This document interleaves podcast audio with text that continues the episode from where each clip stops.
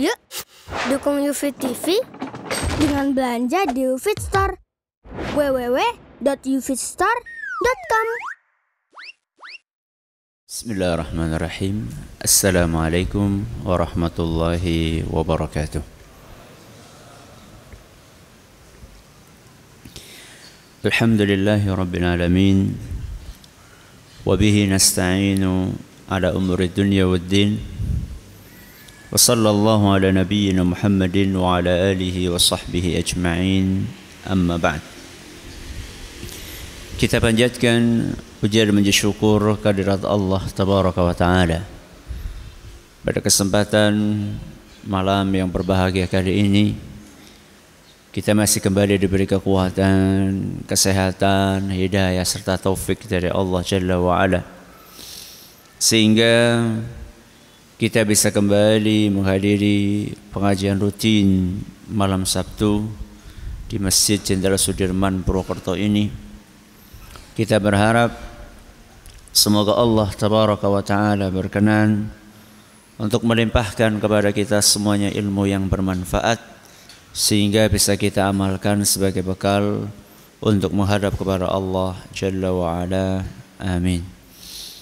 Salam dan salam semoga senantiasa tercurahkan kepada junjungan kita Nabi besar Muhammad sallallahu alaihi wasallam kepada para sahabatnya, keluarganya dan umatnya yang setia mengikuti tuntunannya hingga akhir nanti. Para hadirin dan hadirat sekalian yang kami hormati dan juga segenap pemirsa Yufi TV yang semoga senantiasa dirahmati oleh Allah Azza wa Jal. Hari ini kita akan memasuki hadis yang baru yaitu hadis urutan yang ketiga yang termaktub dalam Kitabul Jami' dari Bulughul Maram karya Imam Ibn Hajar Al-Asqalani rahimahullah. Hadis tersebut berbunyi Anin Nawas bin Sam'an radhiyallahu anhu qal Dari seorang sahabat Nabi SAW yang bernama An-Nawas Siapa namanya? An-Nawas An-Nawas bin Sam'an radhiyallahu anhu qal Beliau berkata Sa'altu Rasulullah sallallahu alaihi wasallam 'anil birri wal ithmi. Aku pernah bertanya kepada Rasulullah sallallahu alaihi wasallam tentang dua hal. Berapa hal? Dua hal. Yang pertama albir kebajikan. Apa? Kebajikan. Yang kedua al-ithm dosa. Jadi An-Nawas ibnu Sam'an bertanya kepada Nabi SAW kebajikan itu apa dan dosa itu apa. Faqala maka Rasulullah sallallahu alaihi wasallam pun menjawab al birru husnul khuluq Kebajikan adalah akhlak yang baik. Definisi kebajikan kata Nabi SAW apa? Akhlak yang baik. Setelah itu kemudian Nabi kita Muhammad sallallahu alaihi wasallam menjelaskan pertanyaan yang kedua. Apa yang kedua tadi? Dosa. Apa itu dosa wahai Rasul? Beliau menjawab al-ithmu mahaka fi sadrika Dosa itu adalah sesuatu yang membuat hati kamu menjadi bimbang. Sesuatu yang membuat hati kamu menjadi ragu. Wa karihta an yattali'a alaihi nas. Dan engkau tidak suka untuk dilihat manusia ketika melakukannya. Apa tadi dosa kata Nabi SAW? Sesuatu yang membuat hati kamu menjadi bimbang ragu. Ini boleh atau tidak. Dan ketika kamu kerjakan, kamu nggak suka kelihatan sama orang. Hadis riwayat Muslim. Nabi SAW di sini menjelaskan dua poin. Apa itu? Kebajikan dan dosa. Sebelum kita mengkaji hadis ini, saya ingin menyampaikan bahwa ajaran Islam adalah merupakan ajaran yang sangat istimewa.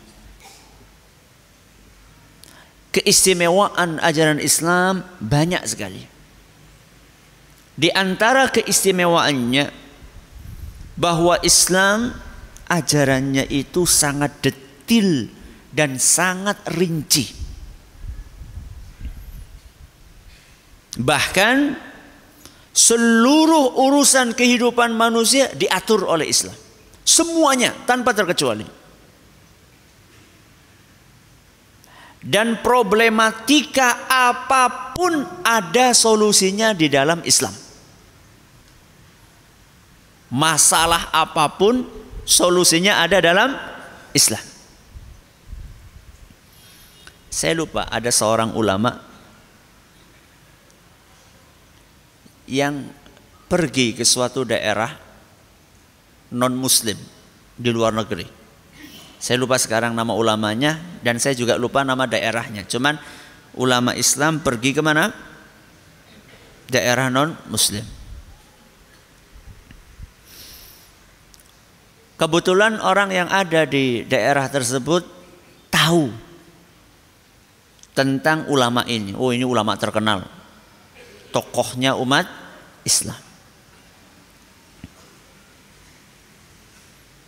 Karena tahu maka orang ini penasaran. Ditemuilah ulama tadi.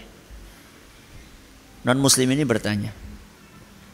Apa benar Islam itu menjawab seluruh permasalahan? Betul? Islam menjawab seluruh permasalahan. Tanpa terkecuali, tanpa terkecuali. Baiklah. Saya pengen tahu dengan gandum seplastik ini dengan gandum seplastik ini berapa kira-kira bisa dibikin roti? Alias dengan gandum seplastik ini akan jadi berapa roti? Saya minta jawabannya dari agama kamu. Katanya setiap permasalahan ada jawabannya. Ini ada permasalahan, saya punya sekantong gandum. Dari sekantong gandum ini kalau dibikin roti jadi berapa potong? Carikan dalilnya dari Al-Quran. Karena kamu katakan Al-Quran itu bisa menjawab seluruh permasalahan. Kalau jenengan digitukan gimana? Nah, bingung ya? Iya karena kita bukan ulama. Ulama tadi santai saja. Oh iya sebentar.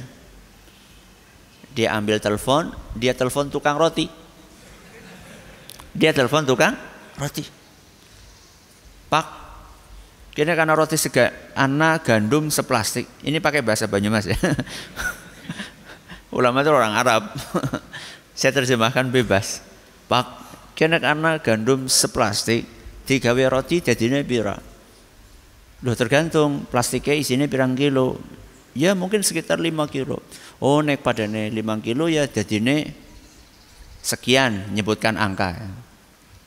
Kemudian telepon itu ditutup, dia katakan kepada orang non muslim itu dari satu kantong ini akan menghasilkan roti sekian.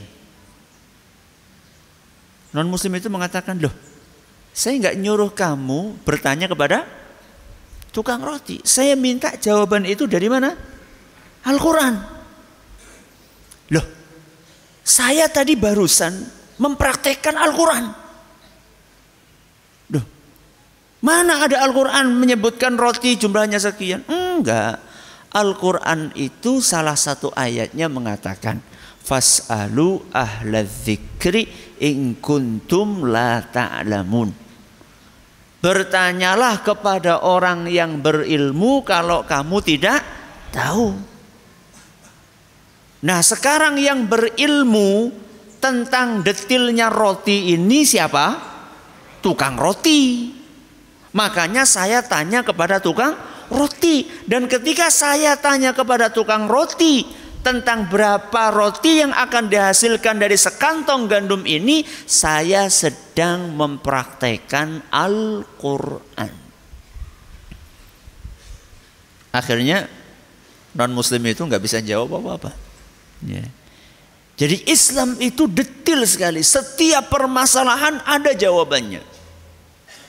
Mau masalah politik ada solusinya di dalam Islam. Mau masalah ekonomi ada jawabannya. Mau masalah sosial ada aturannya di dalam agama kita. Hubungan bilateral antar negara ada jawabannya di dalam agama kita. Apalagi hanya masalah urusan rumah tangga, masalah remaja, masalah pendidikan anak, semuanya ada di dalam agama kita. Secara detil dijelaskan. Dalilnya apa Ustaz? Firman Allah Subhanahu wa taala yang sering kita dengar. Di dalam surat Al-Maidah ayat 3 apa bunyinya? Al-yauma akmaltu lakum dinakum. Pada hari ini telah aku sempurnakan untuk kalian agama kalian. Jadi kalau misalnya ada permasalahan yang tidak dijawab di dalam agama kita, berarti agama kita belum sempurna. Di antara konsekuensi kesempurnaan ajaran Islam Seluruh permasalahan di dalam agama kita sudah dijawab. Seluruh permasalahan yang ada dalam kehidupan kita ada jawabannya di dalam agama Islam. Walaupun masalah itu belum ada pada zaman Nabi SAW, walaupun masalah itu belum ada pada zaman Nabi SAW. Sekalipun masalah tersebut masalah kontemporer yang belum dikenal pada zaman Nabi SAW, ada jawabannya di dalam agama kita. Kok bisa Ustaz? Bisa. Karena ajaran agama kita mengandung yang namanya prinsip-prinsip dasar dan kaidah-kaidah umum. Apa? Prinsip-prinsip dasar dan kaidah-kaidah umum. Kaidah-kaidah umum inilah yang bisa diterapkan untuk menjawab seluruh permasalahan, baik yang klasik maupun yang kontemporer. Saya kasih contoh satu saja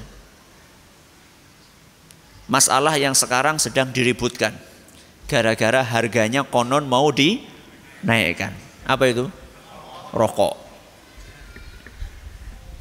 Ada orang mengatakan rokok itu kan nggak dikenal pada zaman Nabi SAW. Coba carikan hukumnya rokok di dalam Al-Quran. Apa ada coba ayat yang mengatakan rokok itu haram atau halal atau makruh? Mana? Kemudian hadis Nabi SAW. Rawahu siapa coba? Riwayat siapa yang mengatakan rokok itu haram atau halal atau makruh atau mubah? Mana dalilnya? Bagi orang yang tidak memahami kaidah-kaidah umum di dalam agama kita, maka dia akan iya ya orang ya berarti ya oli.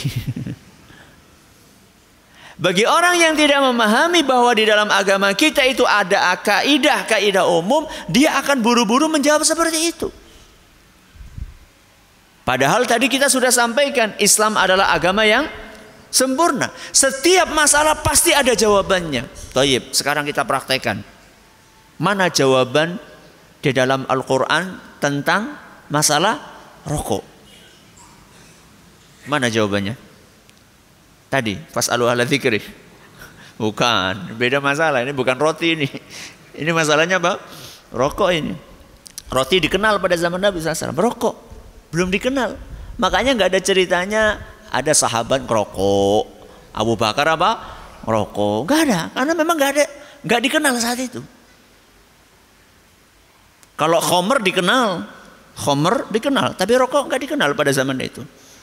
Makanya para sahabat mereka yang suka minum minuman nggak dikenal mereka minum minuman sambil udut itu nggak dikenal. Lah terus mana Ustadz? Katanya ada jawabannya. Ada. Dalam Al-Quran surat Al-A'raf ayat 157.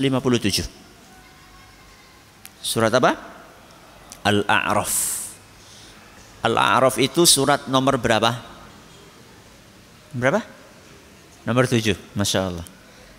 Surat Al-A'raf nomor 7, ayat berapa tadi? 157. Dalam ayat tersebut Allah Subhanahu wa taala berfirman, "Wa yuhillu lahumut thayyibat wa yuharrimu 'alaihimul khaba'ith." Allah Subhanahu wa taala berfirman, di antara tugasnya Muhammad SAW adalah menghalalkan untuk umatnya hal-hal yang baik dan mengharamkan hal-hal yang buruk.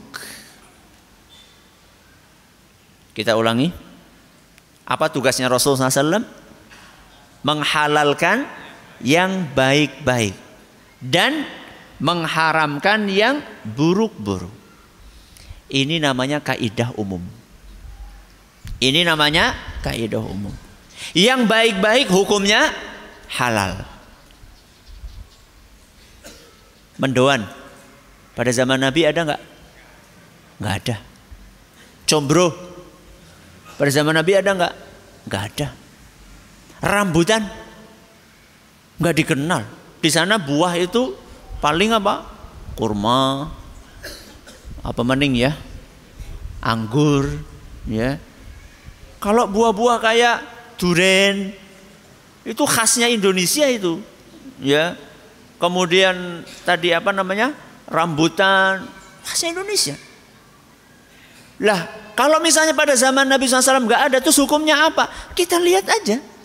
Wa yuhillu lahumut dan menghalalkan yang baik-baik serta mengharamkan yang buruk-buruk. Ini kaidah umum dan kaidah umum ini bisa kita terapkan ke dalam setiap hukum makanan apakah ini baik atau buruk, perbuatan ini baik atau buruk, tinggal diklasifikasikan. Kalau baik berarti apa? Halal, kalau buruk berarti haram. Kembali kepada masalah rokok. Rokok baik atau buruk? Tolong yang ngerokok yang jawab. Rokok itu baik atau buruk? Buruk. Baik atau buruk? buruk. Mana buktinya rokok buruk? Apa buktinya rokok itu buruk? Asap. Kenal pot? Kalau ada orang rokok, Anda terganggu? Buktinya terganggu apa? Sesek, watuk. Kalau ketemu sama orang yang ngerokok, ngobrol, nyaman enggak? Enggak nyaman. Mungkin perokok akan mengatakan, ya karena belum terbiasa. Kalau saya sudah terbiasa, bukan saya, perokok. Ini saya lagi cerita tentang perokok. Kalau saya kata si perokok, biasa saja. Saya menganggap itu adalah sesuatu yang enak. Anda batuk-batuk karena belum terbiasa. Anda merasa terganggu kayak gini-gini kalau ada orang rokok karena belum terbiasa. Intermezzo ya. Dulu ketika zamannya sepur ya kereta api itu masih bebas untuk apa? Untuk merokok ya, terutama di kelas ekonomi yang tidak ada AC-nya. Itu saya pernah melakukan perjalanan dari Purwokerto ke Jember kalau nggak salah. Ya, Purwokerto ke Jember. Kursinya karena ekonomi, adanya ekonomi berempat hadap-hadapan. Saya di pojok, kemudian satu, dua, tiga. Allah takdirkan partner duduk saya itu semuanya ngerokok. Saya sendirian, tiga-tiganya ini ngerokok. Mereka tidak ngerokoknya kalau tidur. Jadi kapan mereka berhenti ngerokok? Kalau tidur. Kalau bangun langsung apa? Merokok. Saya perhatikan bungkusnya itu kan Satu habis, dua. Begitu rokok yang terakhir, alhamdulillah. Bubar ya alhamdulillah rambung. Ternyata apa? Ngambil tas dia. Seret. Masih satu slot. Astagfirullahaladzim. Waduh, ge alamat ya. Dari Purwokerto Jember itu berapa jam itu? Berangkat jam 6 sampai jam 6 di sana. Satu hari penuh dikepung oleh asap rokok. Satu, intermezzo yang kedua. Jamaah haji Indonesia di Mekah, di Mekah, di Madinah. Itu terkenal. Terkenal bahwa hotel yang mereka inapi itu kayak lokomotif. Pernah suatu saat alarm pemadam kebakaran itu nyala. Kan ada kan alarm ya, alarm yang apa? mendeteksi kalau ada asap kebakaran itu nyala satu hotel nyala wah langsung datang pemadam kebakaran. Ada apa ada apa? Jebule wong wong pada apa? Sa bayangkan kalau orang ngerokok satu kan nggak mungkin akan akan apa? Akan terdeteksi. Ini berarti kan saking apanya? Saking parahnya. Ya ngerokok berjamaah gitu. Ya. intermezzo kembali kepada masalah tadi. Kalau misalnya ada perokok mengatakan, saya nggak terganggu kok. Saya baik-baik aja dengan rokok itu. Kita katakan maaf. Kalau Anda, Anda, wahai perokok, pergi ke TPA. Tempat pembuangan akhir sampah. Apa yang bau yang Anda cium di situ? Apa baunya? Bau busuk. Seluruh sampah ada di situ. Ya, maaf popok. Maaf ibu-ibu yang buang apa? Softtek bekas apa? Bekas pembalut. Kemudian ada kucing mati. Ada nasi busuk. Ada apa lagi? Buah busuk. Wah, segala yang nggak enak-enak. Apa yang Anda rasakan di situ? Wah, mual Ustaz, nggak tahan. Tuh maaf para pemul para pemulung yang rumahnya dekat di situ. Bagaimana mereka? Mual? Biasa. Terus apakah kemudian menjadikan sampah itu baunya jadi wangi? Bukan. Anda pun juga seperti itu. Kenapa Anda bisa menganggap itu baik, menganggap itu enak? Karena Anda sudah terbiasa. Bukan kemudian menjadi otomatis berubah menjadi baik, tetap jelek. Ya, tetap jelek. Bahkan ada sebuah uh, artikel yang tadi saya baca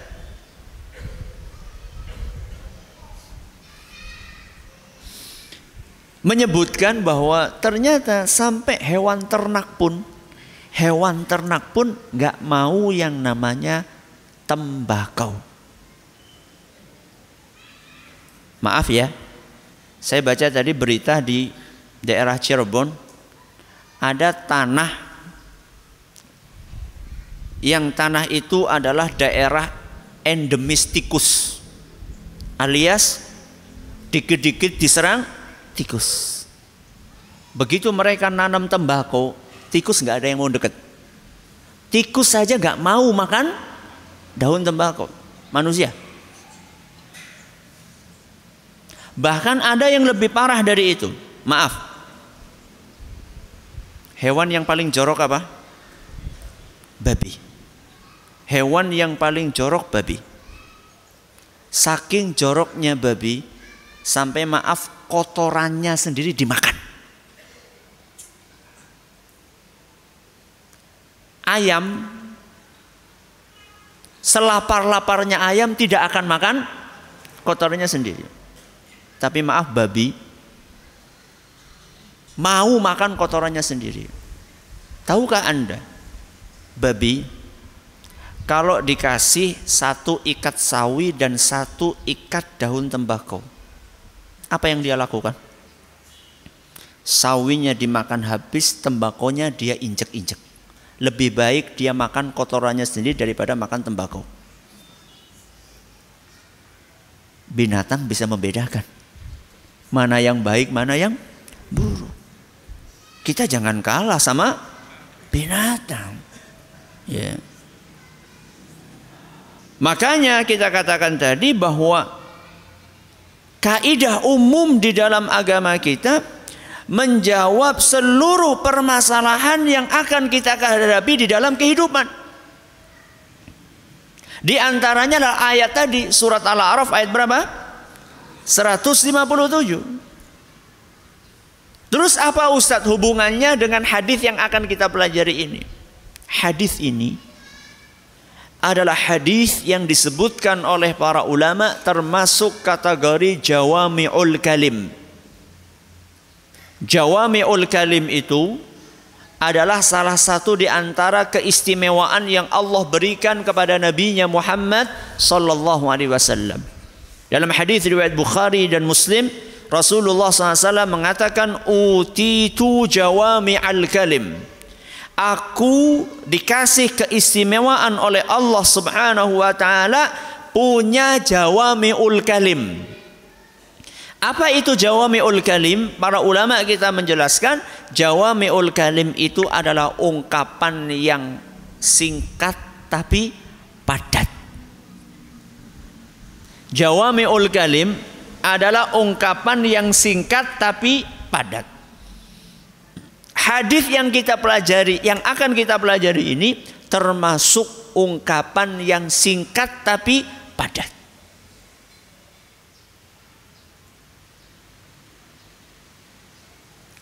Dan ketika kita ingin beragama dengan baik, maka kita perlu membedakan mana yang dicintai oleh Allah dan mana yang dibenci oleh Allah. Jawabannya ada dalam hadis ini. Jadi kalau kita pengen tahu kebajikan apa yang dicintai sama Allah apa, pahami hadis ini. Kalau kita pengen tahu apa yang dibenci oleh Allah Subhanahu wa taala, pahami hadis ini jawabannya ada di situ. Yang dicintai oleh Allah adalah kebajikan dan yang dibenci oleh Allah adalah dosa. Kebajikan itu apa? Ada jawabannya dalam hadis ini dan dosa itu apa? Ada jawabannya dalam hadis ini. Makanya hadis ini termasuk kaidah umum. Seperti ayat surat Al-A'raf ayat 157 tadi. Hadis ini diriwayatkan oleh seorang sahabat Nabi SAW namanya siapa tadi? An-Nawas bin Sam'an. Siapakah An-Nawas bin Sam'an ini? An-Nawas bin Sam'an adalah seorang sahabat Nabi SAW yang berasal dari negeri Syam. Negeri mana? Syam. Syam itu di mana sekarang? Syam di mana sekarang? Negara konflik sekarang mana? Suria. Suria, Palestina, Libanon. Itulah yang dimaksud dengan apa? Syam kalau sekarang. Ya. Beliau berasal dari negara sana. Dan An-Nawas ini termasuk sahabat yang terkenal punya semangat tinggi untuk menuntut ilmu agama. Makanya pernah diceritakan An-Nawas ini datang ke kota Madinah berserta dengan bapaknya. Kemudian beliau tinggal di situ selama satu tahun belajar kepada Rasul SAW. Kemudian setelah satu tahun beliau pulang ke mana? Ke Syam, kemudian meninggal di sana. Jadi tradisi mondok, tradisi apa? Mondok, mesantren. Itu ternyata sudah ada sejak zaman siapa? Rasul SAW diutus uh, dikirim anaknya dari Syam ke mana ke Madinah belajar di situ satu tahun setelah cukup pulang makanya panjenengan itu kalau menyekolahkan anak ke pondok itu jangan bolak-balik apa? Bolak-balik ditiliki. Wis ditiliki orang marem tiliki diajak apa? Bali. Ya. gak betah nanti anaknya. Biarkan dia itu proses ya, proses apa namanya? adaptasi, hmm, proses adaptasi. Sehingga nanti akan memiliki yang namanya kemandirian. Ya. Walaupun mungkin awal-awalnya terasa sedih itu wajar. Contohnya saya pribadi. Ketika saya masuk pondok itu, subhanallah, nggak pernah pisah sama orang tua. Tahu-tahu bisa begitu tamat SD langsung dipondokkan dan jauh lagi pondoknya. Orang tua saya di Banyumas, saya pondoknya di di Gontor, di Ponorogo. Perjalanan sekitar satu harian. Ya nggak pernah pisah sama orang tua, tahu-tahu pisah, ya masya Allah. Nangis terus kerjanya. Seminggu nangis. Ya. Ditanya sama orang, namamu siapa? Nangis. Ya. Sudah nggak PR belum? Nangis. Sendalnya hilang, apa maning? Tambah nangis. Ternyata orang tua yang di rumah, ibu saya sama. Bukan hanya nangis, sakit sampai di opnam. Seminggu di rumah sakit. Ya. Tapi apa kemudian ditarik loh Bali Bay ben apa? Ben mari biungnya. Oh enggak. Itu kan cuma apa? Cuma kaget. Ya. Alhamdulillah sampai sekarang buktinya si urip. Dan bapak kami Allah yarham Zaini Muhayyad itu kalau jenguk subhanallah. Datang itu perjalanannya dulu zamannya zaman ya masya Allah ya. Dari Banyumas. Sebelum eh, Ba'da subuh langsung berangkat naik bus.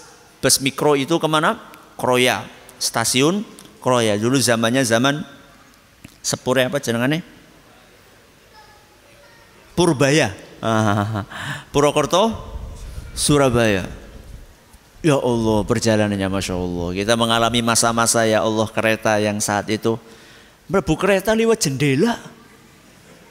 Ya. Kemudian kalau nggak dapat tempat duduk itu kita di kolong Ya di kolong tempat duduk itu pakai koran. Kalau nggak dapat ya di uh, Di apa namanya? Di lorong.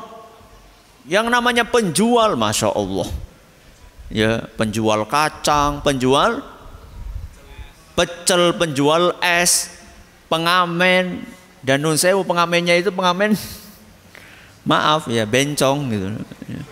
Bolak balik, bolak balik, bolak balik. Sudah kayak gitu sampai ke Madiun, Madiun pakai angkot. Perjalanan satu hari penuh. Datang ke pondok ketemu priwile sehat, alhamdulillah. Satu jam wis ya abi arep kondur satu jam Bi, aduh abi banyak urusan ya, abi ninggalin pondok dan seterusnya. Hampir setiap dikunjungi sama orang tua sejam. Dan memang beliau seperti itu, ketemu urusannya rampung, ngasih nasihat, selesai salaman pulang. Dan itu biasa. Dan itulah yang harus kita berusaha untuk tegel-tegelan karena ini untuk masa depan siapa? Anak kita. Makanya saya sering sampaikan kepada anak saya, le, le kamu lebih enak le. Kalau bapak datang ke sini tunggu nih sehari, dua hari, tiga hari. Kalau bapak mumbian le, le, masya Allah sejam le. Ya. Jadi mondok itu sudah ada sejak zaman Nabi SAW. Contohnya siapa tadi? An-Nawas ibnu Sam'an. An-Nawas ibnu Sam'an datang dari Syam ke Madinah, satu tahun beliau belajar di situ kepada Nabi SAW.